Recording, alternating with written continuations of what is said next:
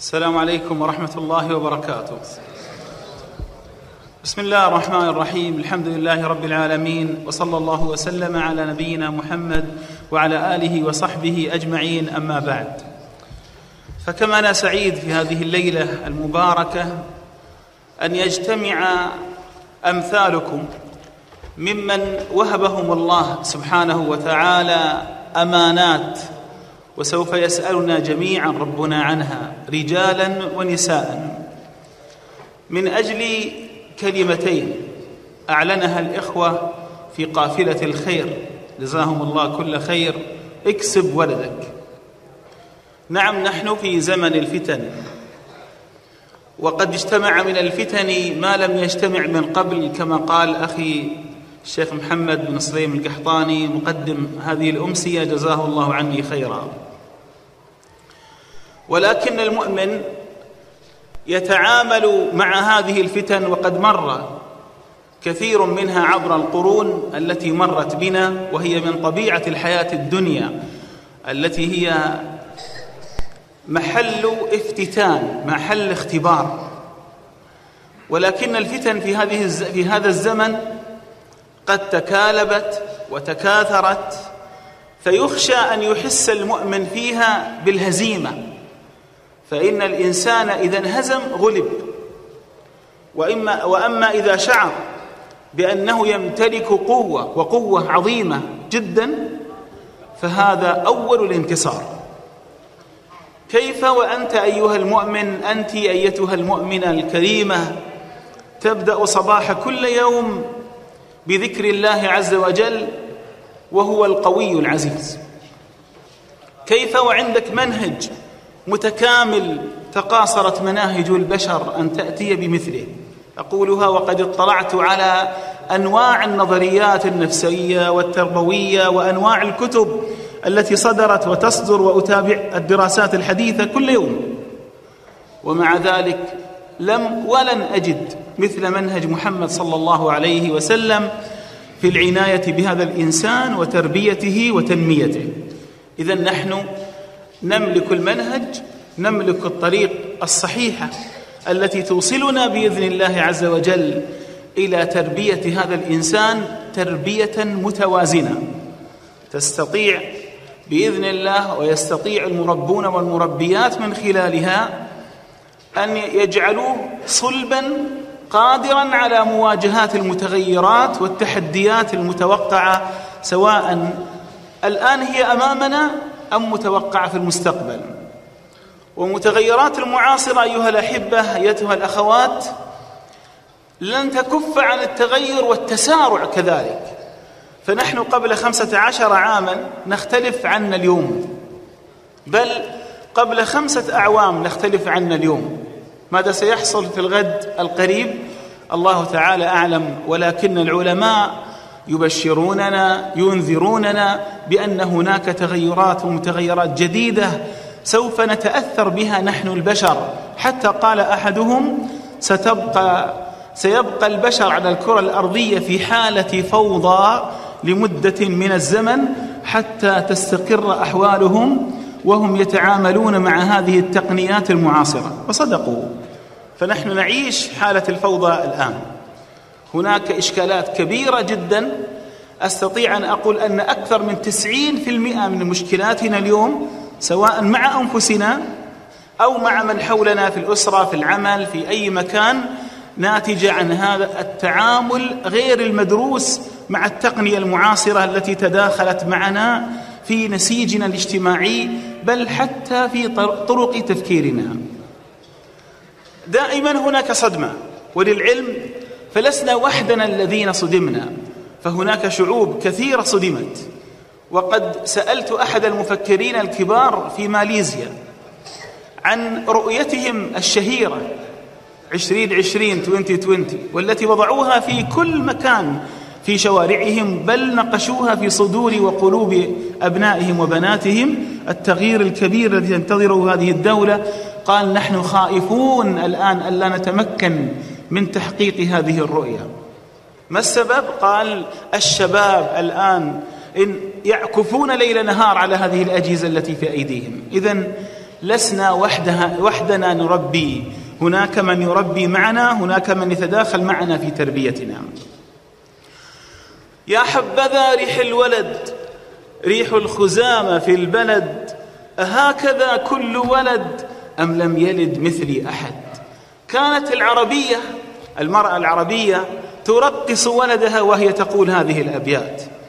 والمرأة أيضا الواعية في هذا العصر ترقص ولدا هناك في تونس وتقول له يا الأخضر يا الأخضر إن شاء الله بكرة تكبر وتصير شيخ الأزهر. ويصير شيخ الأزهر. انتقل من تونس إلى مصر فكان شيخ الأزهر. هناك رؤية إذن عند بعض الآباء والأمهات منذ الطفولة وهم يعلمون أنهم يتعاملون مع المستقبل ولا يتعاملون مع هذا الطفل الذي بين أيديهم فقط. يقول باستور كلما رأيت طفلا أصابني أمران الأمر الأول الشفقة عليه لأنه في هذه الطفولة الغضة لهذه السن المبكرة وشعور الإجلال للمستقبل الذي سيصل إليه هذا هذا الطفل. ويقول آخر جان جاك روسو وهو من فلاسفة العصر ادرسوا الأطفال فإنكم لا تعرفونهم. ادرسوا الأطفال فإنكم لا تعرفونهم. أقول إن بعض الآباء المربين والمربيات لا يعرفون أنفسهم بالقدر الكافي. إنك لن تستطيع أن تستخدم أي طاقة لديك إذا لم تعرفها. فقد تكون عندك طاقة كبيرة جدا في اتجاه معين ولكنها معطلة تماما كما أن يكون لديك أموال طائلة وهي في صندوق يمكن أن تصبح مشاريع كبرى لكنها الآن مجرد أوراق. تماما كما كمن يكون لديه طاقة شعرية ولكنه لم يحولها إلى نتاج شعري. لا يمكن أن نسميه شاعرا. وهكذا فكل طاقة كامنة لم تفعل هي هدر لا قيمة لها حتى ولو امتلكها الإنسان. إذا نحن نحتاج في البدء إلى أمرين. الأمر الأول أن نتعرف على إمكاناتنا وطاقاتنا كلها بقدر المستطاع. ثانيا أن نتعرف على قدرات أولادنا وإمكاناتهم وما أودع الله سبحانه وتعالى من مهارات ومواهب في خلدهم. هناك فوارق فردية أكيد ولكن ثمانية وتسعين في المئة من المواليد يمكن أن نصنع منهم بإذن الله عز وجل عظماء في مجال ما من المجالات. وهذا من أمر الله عز وجل الذي قال لقد خلقنا الإنسان في أحسن تقويم. هل التربية مجرد فرحة بهذا المولود والإسلام بعظمته؟ أخذنا بهذه الفرحة. فأنت حين تستقبل المولود تأتي به وتحنكه وتبرك وتعوذه كما كان يفعل إبراهيم عليه الصلاة والسلام. والسنة اللي انتقلت عن طريق نبينا صلى الله عليه وسلم إلى أمته ثم تؤذن في أذن وتقيم في الأخرى وتسميه أحسن الأسماء ثم تقوم بعقيقة وتجمع الأهل والأقارب والأحباب وتحتفل بالذكر والأنثى بالذكر ذبيحتين وبالأنثى واحدة لماذا كل هذا؟ استقبال حافل لهذا الإنسان. لكن هذا الاستقبال لا يلبث. بعد فترة ينطفئ شيئا فشيئا. كلما كبر أكثر للأسف نبدأ نهمل أكثر. ودعوني أدلل على هذه القضية. لاحظوا الآن الطفل في المرحلة الأولى بعد أن تنتهي هذه الاحتفالات كلها. تبدأ عملية أخرى.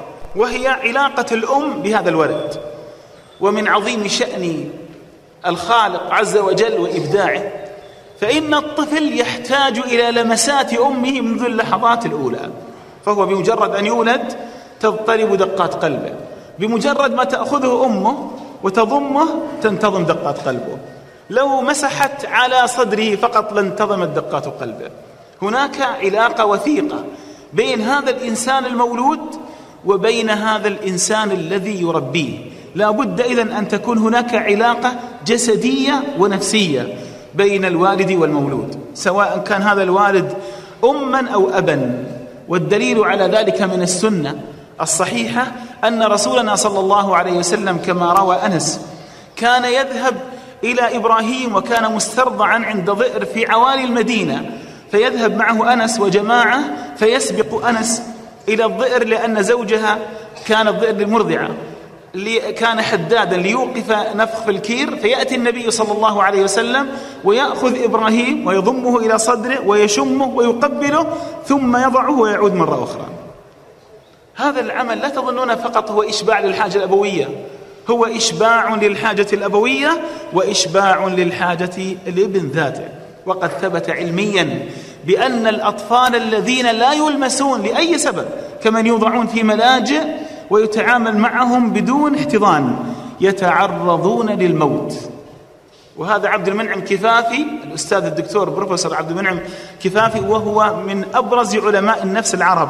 سمعت منه مباشرة في مؤتمر في الأردن يقول إن الإنسان يمكن أن يعيش كثيفا مئة عام يمكن أن يعيش بأن يفقد دون سمع مئة عام ولكنه لن يستطيع أن يعيش إذا لم يلمس إذا لم يقترب منه إذا لم يكن هناك بشرة مع بشرة فهو يحتاج إليها.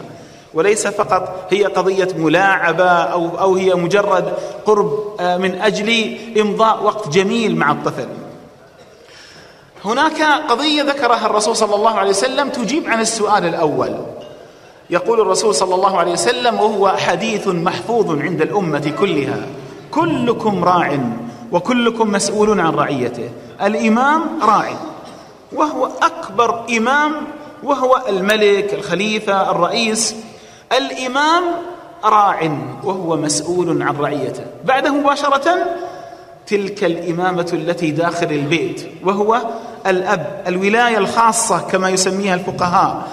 والرجل راع في بيته ومسؤول عن رعيته والمرأة راعية في بيتها ومسؤولة عن رعيتها والولد راع في مال أبيه وهو مسؤول عن رعيته والخادم راع في مال سيده وهو مسؤول عن رعيته وكلكم راع وكلكم مسؤول عن رعيته. كل الولايات داخل البيت داخل الأسرة ما عدا الإمام العظمى فقط. معنى ذلك أنها مسؤولية عظيمة جدا. تخيل معي وتخيلي حينما يقول الله سبحانه وتعالى وقفوهم إنهم مسؤولون ونقف لنسأل عن هذه الولايات. كل منا يجهز إجابات. هل بالفعل أنا قمت بمسؤوليتي تجاه أولادي في هذا العصر المتلاطم بالفتن؟ الأب الذي يتفاجأ أن ابنته خرجت مع شاب نسأل الله يعافينا وإياكم. الأب الذي أغمي عليه بالفعل في قصة واقعية حينما أخبره الطبيب أن ابنه يعاقر المخدرات وأصبح مدمنا عليها. الأب الذي يفطن هكذا في لحظة من اللحظات على خبر بأن ابنه أصبح تكفيريا. تلك الأم التي اتصلت بي من هنا من الشرقية وهي تبكي بكاء مرا وتقول أن ابنها ألحد وأعلن إلحاده وعمره ستة عشر عاما. فتن متلاطمة. لسنا وحدنا الذين نتعامل مع أولادنا. كثيرون يتعاملون معهم أكثر منا. ولذلك فالمسؤولية أصبحت أكثر خطورة وأهمية ولا وليس لأحد منا أن يعتذر بعذر أمام هذا كله. أما النقطة الثانية الأساس من هذا اللقاء الطفولة هي المستقبل. إجماع علماء النفس علماء الاجتماع علماء الخدمة الاجتماعية إجماع على أن كل ما نضعه في مرحلة الطفولة سوف يكون له أثر كبير في المستقبل. ولك أن ترى وتشاهد هذا الحديث العظيم الذي يقول فيه الرسول صلى الله عليه وسلم كل كل مولود يولد على الفطرة فأبواه يهودانه أو ينصرانه أو يمجسانه. إذا هذا المولود يولد على الفطرة والبيئة التي من حوله ستشكل مستقبله كله. ما هو المستقبل؟ ما هو المستقبل؟ في الطفولة يتعلم الإنسان لغته. في الطفولة يتعم يتعلم أفضلياته فهذا يصلح هذا ما يصلح هذا حرام هذا حلال هذا حلو هذا غير حلو هذا صح هذا غلط. ما الفرق بين طفلة تخرج في الأسواق بملابس شبه عارية؟ وطفلة إذا أرادت أن تغير ملابسها الخارجية تقفل الباب وعمرها ثلاث أربع سنوات. ما الفرق؟ الفرق في البيئة الداخلية. ما الفرق بين طفلة ما تمد يدها للرجال وهي طفلة صغيرة ولم يقل لها أحد ذلك. وبين طفلة تقدم خدها للرجال حتى يقبلوها من باب التحية. ما الفرق؟ هو تربية في الداخل حتى بدون قصد افعل لا تفعل هذا خطأ هذا عيب. ترى هذه التربية الموجهة هذا تدل, تدل على نقص في القدوة وفي الطريقة الصحيحة في التعامل مع الأولاد. لن يحتاج أولادك وأقصد بالأولاد إذا قلت أولاد الذكور والإناث كما هو التعبير القرآني أقول لن يحتاج أولادك إلى أوامر ونواهي وعقوبات إن لن يحتاجوا أبدا إذا كنت أنت قدوة وأمهم قدوة. كما نريد أن يكون أولادنا يجب أن نكون نحن. كما نريد أن يكون أولادنا يجب أن نكون نحن.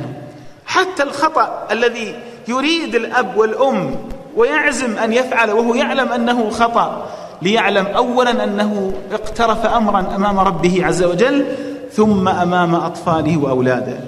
الصورة التي ترسمها أنت وأنت في الحياة الزوجية هي التي ستستقر في ذهن الطفل. يعني ما الذي سيحدث؟ سوف يتشكل في ذهن الطفل أن الزواج جميل إذا رأى أن أمه وأباه يتعاملون بطريقة جميلة. إذا رآهما يتعاملان بطريقة سيئة سباب شتائم رفع الصوت ضرب فإنه سيتشوه في نظره.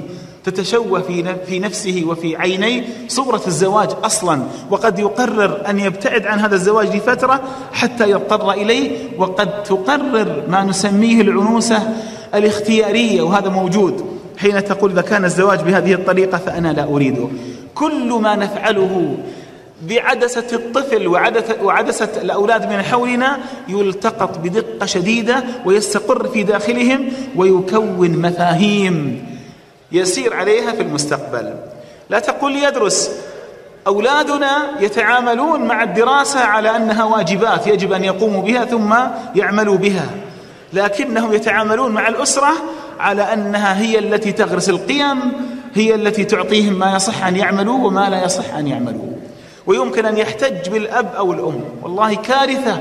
حين أسمع مشكلات بدأت هذه المشكلة بأن اقتحم الأب أو الأم فظائع وليس محرمات فقط يعني موبقات أمام أطفالهم فإذا بالأطفال ينجرون وراءها ثم يحتجون بآبائهم وأمهاتهم. الطفولة تعني المستقبل كله. ليه؟ هي تعني المستقبل بطبيعة الحال. سيكبرون وسيكونون هم رجال المستقبل وهم نساء المستقبل. وهنا أستحضر قول عمرو بن العاص رضي الله تعالى عنه حين رأى قريشا ينتدون في الحجر أمام الكعبة وأطفالهم بعيدون عنهم فقال لهم ما لكم اطرحتم هؤلاء الأغيلمة؟ هل قربتموهم منكم؟ إنهم صغار قوم أوشكوا أن يكونوا كبار قوم وأنتم كبار قوم كنتم صغار قوم. قربوهم منكم وخالطوهم وعلموهم أخلاق الرجال. صدق عمرو. فإن في العصر الحديث الذي نعيش فيه بل المعاصر وهو أدق من الحديث هناك مصيبة في التربية. أن الأبناء والبنات في كثير من البيوت أصلا لا يخالطون الكبار. حتى لما يأتي الضيوف يأتي من يصب القهوة ويضيفهم والأولاد غير موجودين. إذا كانت مناسبات لا يحضر الشباب غالبا. ما يحضرون. أبناء متوسط أبناء ثانوية ما يحضرون. دائما يجلسون مع بعضهم يتكتلون مع بعضهم فإذا لم يخالطوا الكبار كيف يأخذون منهم؟ أنا أسألكم كيف تستطيع أن تربي ولدا سواء في طفولته أو في كبره وهو بعيد عنك؟ طيب في الطفولة هو معي. أين هو معك؟ أتعلم أن أكثر دولة تنزل فيها ألعاب الفيديو في العالم هي بلدنا؟ أطفالنا مع ألعاب الكمبيوتر. كل واحد عنده iPod ولا iPad ولا عنده جوال. وجالس لمدة طويلة. ولعلكم رأيتم ما رأينا التأثر السلبي الصحي والتأثر الاجتماعي وغير الأطفال المساكين هؤلاء سجناء الكمبيوتر. نعم سجناء الكمبيوتر. ونحن نستجيب لهم لكل الأطفال عندهم كل عيال الجيران عندهم كل عيال عمامهم عندهم. من قال لك لا تعطيهم؟ بس كيف تعطيه هذا هو السؤال. كيف تعطيه؟ أنا سأؤجل إجابة عن هذه الأسئلة مع أسئلتكم إن شاء الله. أثبتت الأبحاث أن الطفولة هي المرحلة المؤثرة في نضج الإنسان حتى في التفكير. لاحظ قضية التفكير وهي قضية تنمو مع الإنسان لكن في الطفولة يأخذ مناحي التفكير يأخذ أدلة التفكير البوصلة في التفكير. ثم تسير معه. هل يمكن التعديل بعد ذلك؟ نعم. يمكن. لكن من يجزم بهذا التعديل؟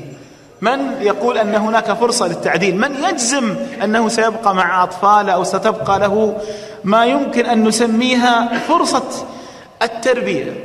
فهناك أولاد بنون وبنات تمردوا على آبائهم وبناء وأمهاتهم فلم يقبلوا منهم. قبل يومين فقط كنت في أحد المساجد ألقي كلمة. فإذا بأحد الآباء يشكو أن أبناءه لا يسمعون بل يقول هكذا لو قلت لهم شيئا لم يقبلوه يمكن أن يقوم الولد ويدفعني هكذا. قلت هذا عقوق ويجب أن تنبهه على ذلك. قال كل البيت كذلك. هناك صور هناك صور وهذه الصور يمكن أن تنمو إما بطريقة حسية بهذه الطريقة أو بطريقة معنوية. لن أفعل. افعلوا ما شئتم. أحد الشباب في الحي تخيلوا ماذا حدث منه ليعاقب والديه ليلتين نامهما خارج البيت أمه. لا تكاد لا تعرف هي حية أم ميتة. لا تدري ولدها أين ذهب. في زمن يعج بالفتن. ما تدري مع ذهب مع من. فلما جاء بعد ذلك أمسكت به ماذا صنعت لأبويك وأنت ولا تصلي في المسجد. كيف تفعل هذا؟ قال لي خلاص إن شاء الله ما أسويها مرة ثانية. هكذا بكل برود. وين رحت؟ قال نمت برا. ماذا ماذا تعني نمت خارج المنزل؟ ماذا تعني عندكم؟ تعني أشياء كثيرة جدا جدا. ولا داعي نحن يمكن أن نعدد ماذا يمكن أن تعني. ولكنها قد تصل بهذا الولد إلى بؤرة من بؤر السرقة سرقة السيارات مثلا. إلى كهف من كهوف المخدرات. إلى فرقة ضالة من الفرق الضالة. ممكن في أي لحظة من اللحظات هم يصطادون الإنسان وهو إلى جوار والده. يصطادونه. فكيف إذا هذا يعني ترك بيته وكيف إذا عالج بعض الآباء وأنا أستغرب الحقيقة في هذا العصر أن يعالج بعض الآباء المشكلة مع ولده المراهق بأن يطرده من المنزل. أين أين تطرده؟ قال له خليه يتأدب. لا قد لا يعود. قد لا يعود أو قد يعود ولكن بأفكار لا تستطيع أن تعالجها أنت. أيها الإخوة لا بد أن يكون عندنا لننجو من هذا كله هدف. وهذا الهدف يكون واضحا جدا. ما هو الهدف المشترك الذي يمكن أن يشترك فيه كل أطفالنا كل أولادنا؟ هو أن يكون هذا الطفل في المستقبل بإذن الله شخصية متوازنة في الجانب النفسي يسمونها في العلم النفس التوافق. يعني متوافق مع نفسه ما عنده مشكلة مع نفسه. ما يسب نفسه ما يقول أنا كرهت نفسي أنا إنسان ضعيف أنا ما عندي ثقة في نفسي. سمعنا طبعا هذا الكلام من بعض الشباب. غالب هذه الأمراض النفسية والإضطرابات النفسية تأتي للأسف الشديد من الوالدين. حينما يقول الوالد أو الوالدة أو المعلم أو المعلمة أنت ما فيك فايدة أنت غبي أنت فيحبطونه ويثبطونه. بينما حين يسمع أنت مبدع أنت مفكر أنت ما شاء الله في المستقبل ستكون قائد لأنه واضح جدا أنك قدرة على قيادة الآخرين ومن خلال حتى اللعب يمكن اكتشاف الأطفال. إذا هذا أول شيء أن يكون عنده شخصية متوازنة متوافقة مع نفسه. ثانيا أن يكون عنده ثقة عالية بنفسه. هذه الثقة العالية بنفسه نحتاج أن نتعامل معها بدقة شديدة. فلا نسمح لها أن تطغى فيتعامل مع الآخرين وخاصة الأطفال الآخرين الذين من حوله بطريقة ازدراء أو احتقار لهم. ولا نسمح أبدا أن يحقر أحد منه أو يقلل من شأنه. وقد يقع هذا حتى في داخل المنزل من باب الغيرة بين الأولاد. وهذا قد يقع بسبب الوالدين في تعاملهم مع أولادهم. يعني أنت تشوف أحد أولادك مبدع في جانب وتغفل عن إبداع الولد الثاني فتركز على هذا وتقعد تمدح فيه. خذوا هذه الصورة النبوية. هذا النبي صلى الله عليه وسلم جالس في مجلسه في مسجده ويأتي بعض الصحابة وكان من بينهم أحدهم قد جاءه أحد أولاده ذكر فأجلسه على فخذه. ثم جاءت له بنت فأجلسها على الأرض. فالتفت إليه الرسول الأعظم وقال هلا سويت بينهما؟ ألا تحب أن يكون لك في البر سواء؟ شوف هل نحتاج النظرية تقول لنا أن الطفولة تؤثر في المستقبل الآن؟ الرسول يتكلم مع أطفال ينحطون على الفخذ يقول له إذا سويت بينهما سيكون لك في البر سواء يعني في المستقبل. ما عندهم بر الآن أطفال. إذا كل تصرف مع أطفالنا سوف يكون له أثر في المستقبل.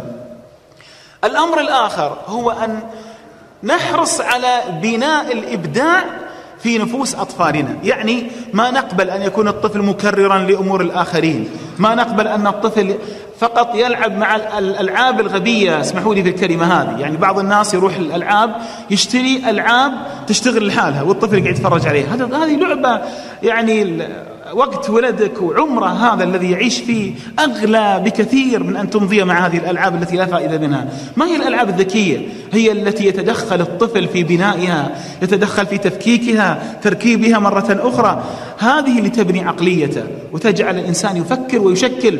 يعني يمكن أن يشكلها أشكال متعددة وليس شكلا واحدا. هذه الألعاب التي تتحداه أحيانا حتى يبدع. في بنائها من جديد. ولكن نحذر من الألعاب التي يعمل فيها بأعصاب.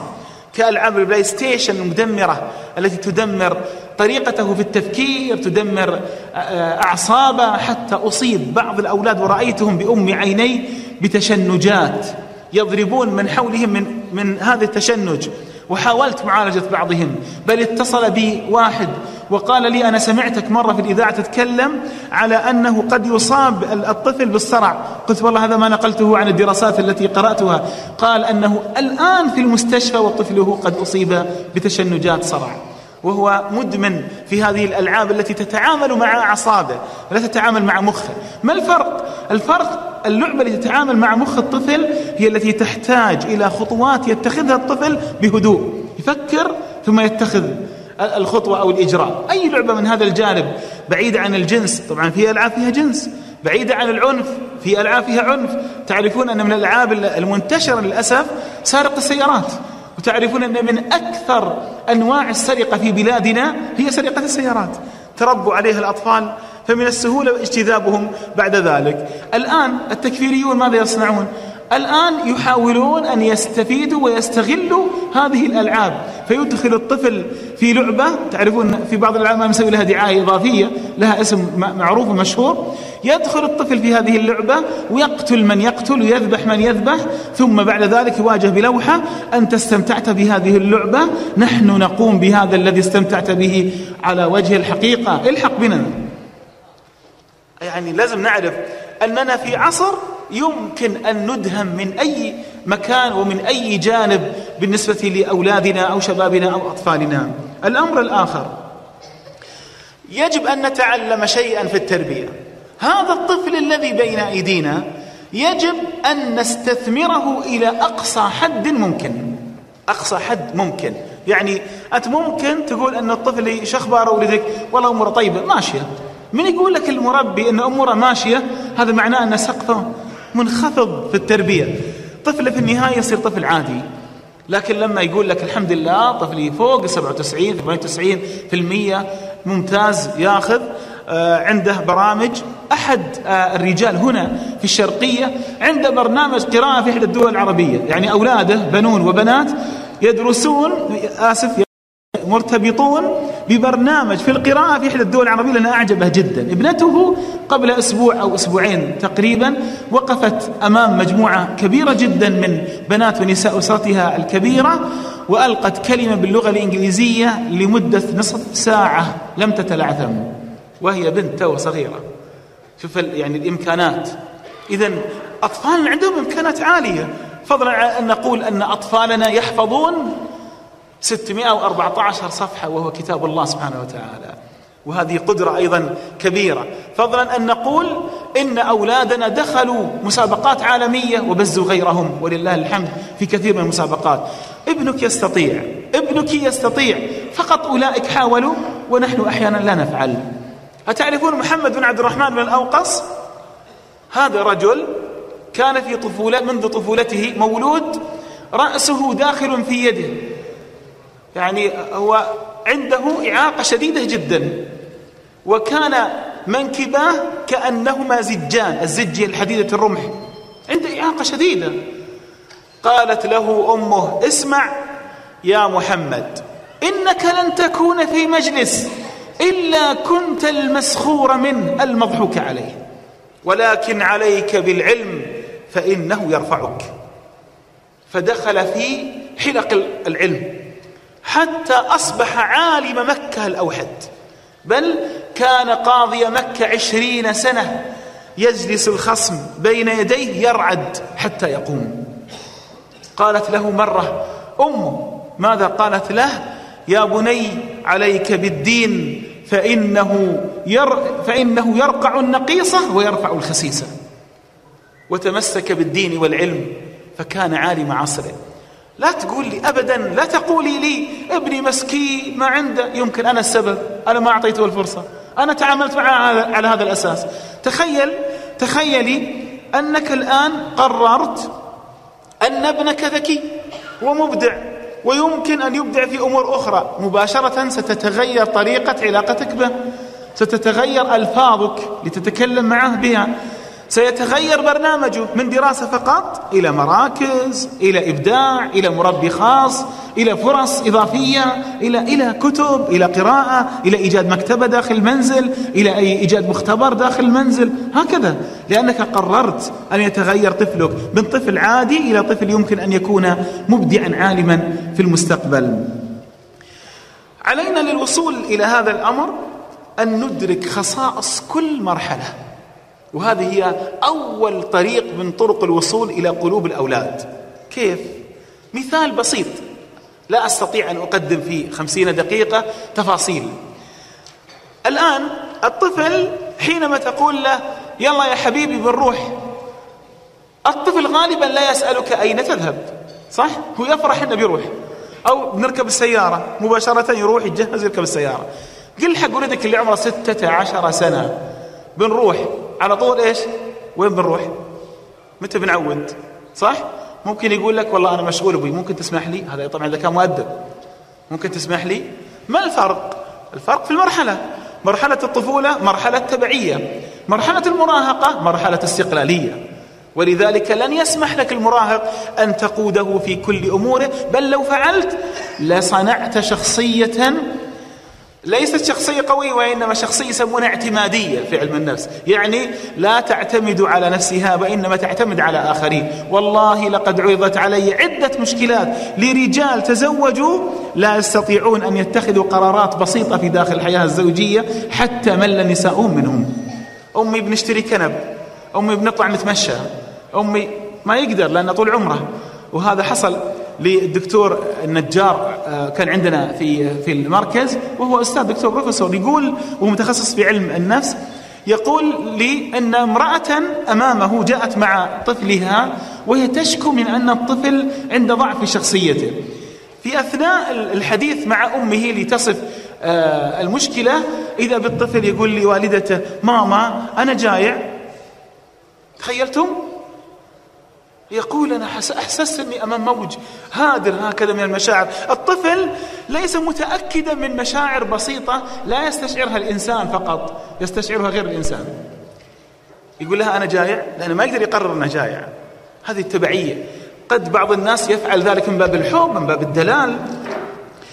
إهمال أحد متطلبات النمو قد يؤدي إلى خلل واضح في المستقبل. لا يدرك الآن. يدرك في المستقبل. فإذا جاك الطفل منطوي يمكن يكون السبب مأمن يكون السبب الوالدان الذين قمعاه كل يوم عيب خطأ عيب يا أخي تعلم عطني حديث واحد يقول عيب خطأ. كل الأحاديث تقول افعل افعل افعل افعل.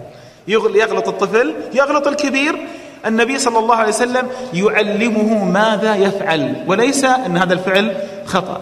بل يدافع النبي صلى الله عليه وسلم عن من يخطئ. ويعلمه الصواب. انت افعل كذلك. عمرو بن سلمة أخطأ وطاشت يده بالصحفة. ما قال له خطأ؟ ما ضرب على يده. رأيت عن قريب رجل يمسك طفلة عمرها ثلاث سنوات بالكثير أربع سنوات ويضربها ضرب شديد على يده حتى بكت. ليه؟ أمسكت به ماذا تفعل أنت الآن؟ قال لأنا خايف تطلع. خايف تطلع. مثل ما قال لي الوالد مرة أن أب سأل طلب من ولده أن يأتي له بطاسة دهن. ثم ضربه وقال له روح. قال له ليه تضربني؟ قال أخاف يندفق عليك الدهن قال ما اندفق. قال له الفائدة إذا اندفق؟ خذها قبل. هناك أباء يصنعون ذلك. وهذا موجود ما أخذت أسبوع أو يعني أو أكثر بقليل وأنا أشاهد هذا المشهد. أما زوجتي وكانت معي لما دخلت مع النساء فشاهدت امرأة تنزع رأس بنتها هكذا حتى تقول بكيت وأنا أشوف هذا المشهد. إلى الآن عندنا من يقوم بتعنيف الأطفال بهذه الطريقة مع كل هذه التوعية؟ ما هي الخبرات التي يأخذها الطفل عن الوالدين إذا كان يتعامل معه بهذه الطريقة؟ هناك تهديد من الشيخ محمد عشان الوقت ولذلك سأحاول أن لا لا أنجز. نزيدك خمس دقائق. النمو الجسدي. تعلمون النمو الجسدي له أثر كبير جدا في النمو النفسي وأيضا في البناء المستقبلي. يعني تخيل طفل خليناه يسمن. شو المشكلة؟ مشكلة. طفل نحيف جدا سيؤثر على نشاطاته صح؟ أي تأثر جسماني سيؤثر. شاب وصل بنت صار عمرها 11 12 سنة. تعرفون البنت تبكر في آثار البلوغ وبدأت حب الشباب يظهر في وجهه ولم نعلمها أن هذا شيء عادي وأن كل البنات سيكون لهم وأن التعامل الأمثل أن لا تلمسيها ولا تفقئيها ولا ولا ونظفيها والأمر سهل ولن يؤثر. إذا لم تفعل فقد يتدمر وجه الطفل ويتدمر مستقبلها. إذا لم تفعلي فقد تتأثر نفسيا وتخاف هي على مستقبلها. وكذلك الشاب في أمور تخص الشباب. أيضا النمو الجنسي. نحن عندنا شيء عجيب جدا. هناك مشكلة يعني يقال بأن الدخول على جوجل في الكلمات الجنسية للأسف مخجل عالميا. واضح؟ في نفس الوقت نسوي نفسنا نستحي ولا نعطي أولادنا ما يسمى التثقيف الجنسي. شو المشكلة؟ إذا بلغت البنت قبل بلوغها أن سيحدث كذا وكذا. أنت أنت أيتها الأم. سيحدث ترى كذا وكذا. بنت جاءها ما يأتي كل النساء. كما قال النبي صلى الله عليه وسلم لعائشة أو كما قال فإذا بها تنزوي وكاد أن يصيبها رهاب اجتماعي. خافت على نفسها. تعرفون البنت بالنسبة لهذا ماذا يعني؟ أشياء كثيرة. فخافت على نفسها. إذا هناك نقص في هذا الجانب. أولادنا شبابنا صاروا يأخذون هذه الثقافة بطريقة سيئة جدا وصار يؤثر عليهم. وكلمة أقولها إني أخشى على مستقبل هذا الجيل بسبب الانحراف في المطالعات الجنسية الإباحية المفتوحة. فقد ثبت علميا يقينا أنها تؤثر في قدرات الرجل في المستقبل. ولا أزيد. أمر آخر النمو العقلي والمعرفي. العقل كالقربة كلما زدتها اتسعت. فلا تقول والله أنا أرهقت ولدي. واحد يقول لي أنا أخاف أدخل تحفيظ القرآن يأثر عنده حفظ القرآن على آه، دراسته.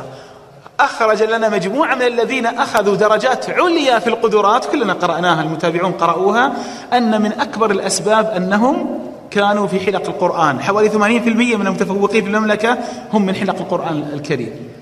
والمبدعون أكثر من مبدع وأكثر من أب مبدع قال أنا أوعز هذا النجاح إلى حفظ القرآن الكريم. لا تخافوا عليهم بل بالعكس سيتبارك هذا العقل إذا وعى كتاب الله سبحانه وتعالى. الأمر الآخر هو النمو الانفعالي. فهناك أطفال وشباب لديه ردود أفعال غير محسوبة. فهو يغضب بسرعة ويقول لك يا أخي أنا عصبي. من قال لك أستطيع أن لا أكون عصبي؟ نعم. هذا كلام الحبيب المصطفى صلى الله عليه وسلم. يقول العلم بالتعلم والحلم بالتحلم. يعني ممكن ندربك ونربيك وتعود إلى السلوك الطبيعي تتحلم. قيل للأحنف بن قيس وهو أحلم العرب قيل له كيف أصبحت هكذا؟ ونحن نغضب قال حتى أنا مثلكم أغضب ولكني أتحلم.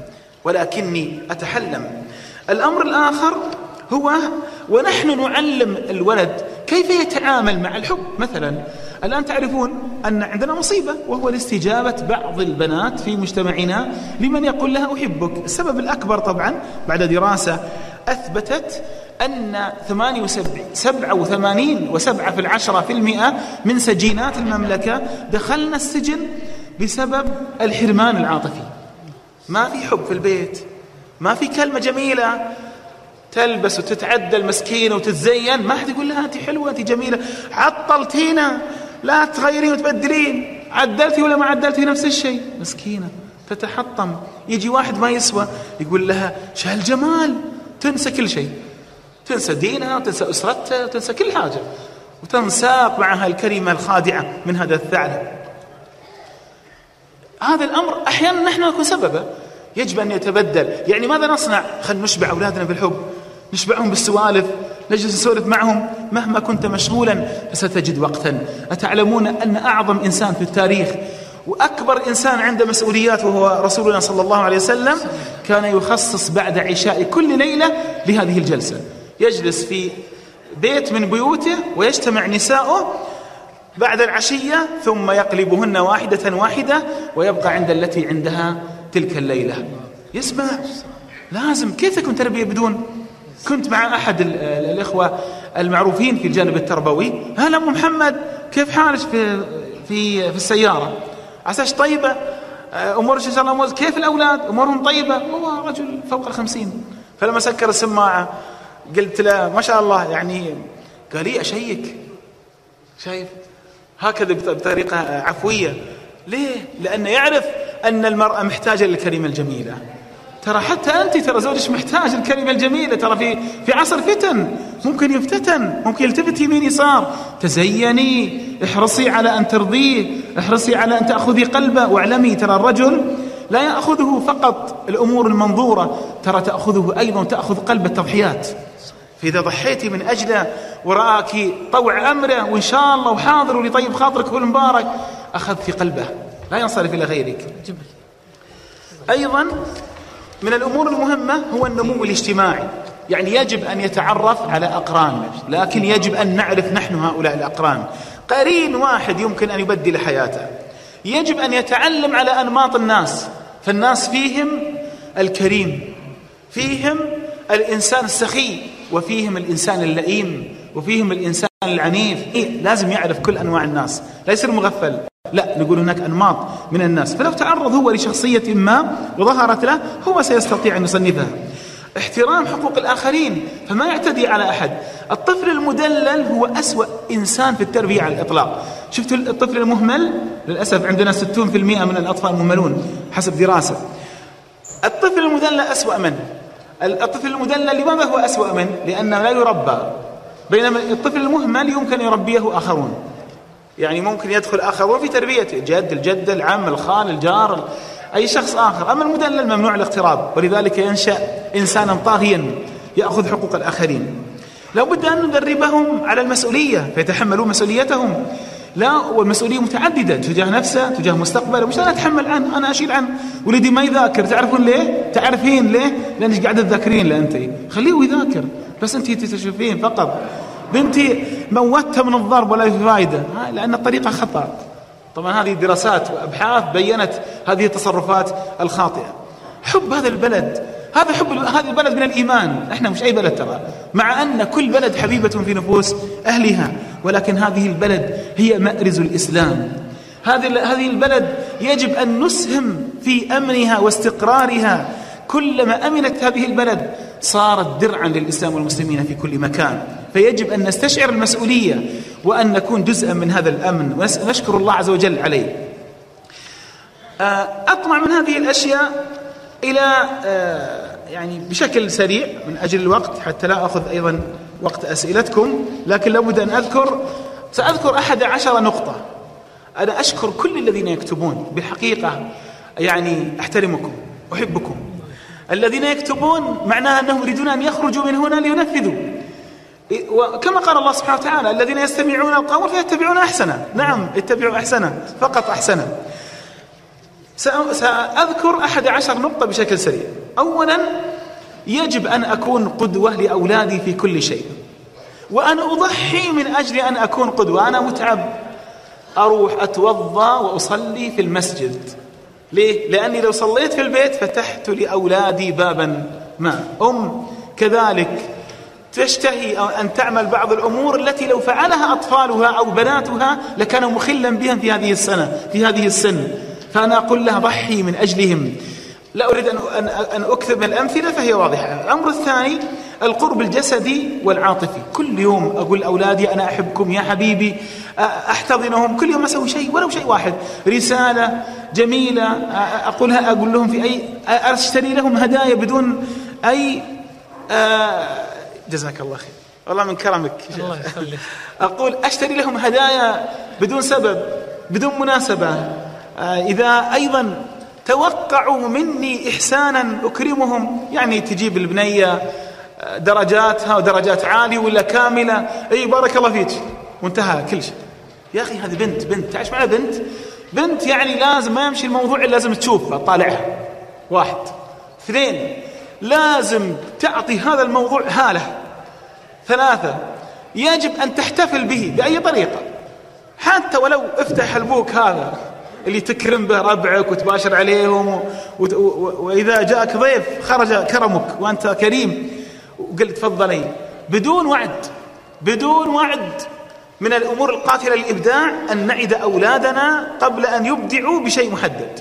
اتركوهم يبدعوا فإذا أبدعوا كافئوهم. خذ هذه الشهادة ودها لجدته وجده قول الحمد لله شوف. طبعا نحن لا نحدث بالنعم إلا من يحبنا. ما ما نحدث بها من يحسدنا. لكن من يحبنا هذا الاحتفاء سيجعل لهذه الأمر لهذا الأمر الذي أحرزته الطفلة البنت الكبيرة الولد في الحلقة أي إنجاز. لو أن سوى منجز جميل خدمك. يعني بعض الأبناء يظل يخدم والده يخدم والده ولا يقدم له شيء والده. أنا مع الذين يعطون رواتب لأولادهم إذا كانوا يقدمون خدمات مستمرة. يعني ولد من أولاده ماسك لك محل أعطى راتب. واحد من عيالك ماسك مكتبتك أيها الداعية أعطى راتب. قليل ولا كثير؟ لكنه يحتاج إليه الأمر الثالث الحرص على الاستقرار النفسي. فأحترمهم. كل ما احترمت طفلك أكثر كل ما حصلت على أكثر منه في المستقبل. وانظروا ما كان كان يفعل النبي صلى الله عليه وسلم. فقط موقف واحد أذكركم به أن لما أتي بإناء اللبن كان الأشياخ أبو بكر وعمر إلى اليمين وعب إلى اليسار وعبد الله بن عباس إلى اليمين. يستأذن النبي صلى الله عليه وسلم عبد الله بن عباس ثم لا يأذن. ما يأذن. والله لا أوثر بسؤرك أحد يا رسول الله. أنا أبغى ريقك. كلهم بيروحوا يدورون المكان اللي أنت شربت منه. ما أعطي أحد. ثم فتله في يده. الحديث. ما أعطاه. فتله في يده. الأمر الرابع. دائما تلفت انتباههم إلى الجوانب الحسنة في شخصياتهم. هناك مثال قاله أخونا الدكتور إبراهيم الخليفي جزاه الله خير. ثم طبقته مع ابنتي الكبيرة. كان عندي ضيوف فجاءت ابنتي وعندها أطفال الله يحفظهم ويحفظ الجميع. فقالت لي تفضل أبوي المبخر. قلت تعالي. أنت حطيتي الآن فحم. ثلاث فحمات ملتهبة. في فحمة سوداء ما برعت ما بعد يجيها النار. لو أردت أن تشعلي هذه التي بقيت أين تنفخين؟ قالت أنفق في الحار حتى تنتقل. لاحظت كيف؟ أنت تريد أن تشعل هذه المنطفئة تنفخ في الحار. ما تنفخ فيها. لو تنفخ فيها لبكرة ما هي فايدة. لكن تنفخ في الحار. انفخوا في أولادكم ما تريدون أن يكبر لديهم. فإذا أنت كل يوم تقول لا أنت غلط هذا غلط هذا يكبر الغلط يكبر الغلط.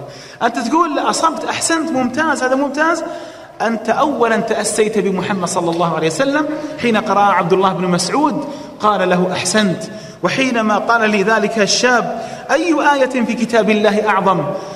قال الله ورسوله أعلم. أدبا مع النبي صلى الله عليه وسلم. فأعاد عليه السؤال فقال الله لا إله إلا هو الحي القيوم. خلاص انتهى الموقف؟ لا. ضرب في صدره ليهنك العلم أبا المنذر. ضرب في صدره اللمسة اللي إحنا نتكلم عنها قبل شوي. ولمسة الصدر لمسة الحب. اقرأوها في علم النفس. ثانيا قال ليهنك العلم يعني هنأه. وهذا تعزيز. ثالثا أبا المنذر يعني إيش؟ كناه. والتكنية للصغار والشباب فيه تعزيز كبير لهم. صلى الله وسلم على حبيبنا محمد. الخامس المكافآت الدائمة في المنزل بلا انقطاع بلا إسراف.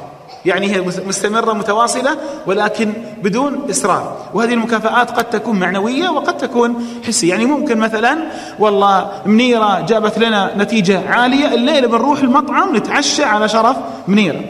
واضح الفكرة؟ يعني ليست دائما لها شخصيا وإنما ممكن للجميع إكراما لها. سادسا أنا لا أحب أسلوب العنف في التعامل مع الطفل. ولذلك أقولها خاصة للشباب الذين الآن يربون أطفالهم أو ينتظرون أطفالهم. لله اترك ضرب أطفالك. سوف يحبونك. ينمون بطريقة رائعة. وسوف تتفتق لديك أنواع من أساليب التأديب غير الضرب. إلا الصراخ فإنه أسوأ من الضرب. واحد يقول أنا ما أضرب عيالي بس أصرخ عليهم يروع قلوبهم يطير قلوبهم. تشوف الطفل ينقمع مسكين يتفزع. عشان الأخ يبغى يسوي شيء تربوي ما يبغى يضربهم. لا. طيب ما, الوسائل الأخرى؟ ممكن بالكلمة ممكن بالنظرة الحادة ممكن أن تأخذ إلى إلى قلبك وتقول يا حبيبي هل هذا صح؟ أنا أسميه الاستنطاق. يقول لك الطفل لا بس خلاص كفي. أخذ كاس وطاح وانكسر الكاس. يا الله ليش تكسر الكاس؟ طيب أنت يا أخي كم كسرت من كاس في حياتك؟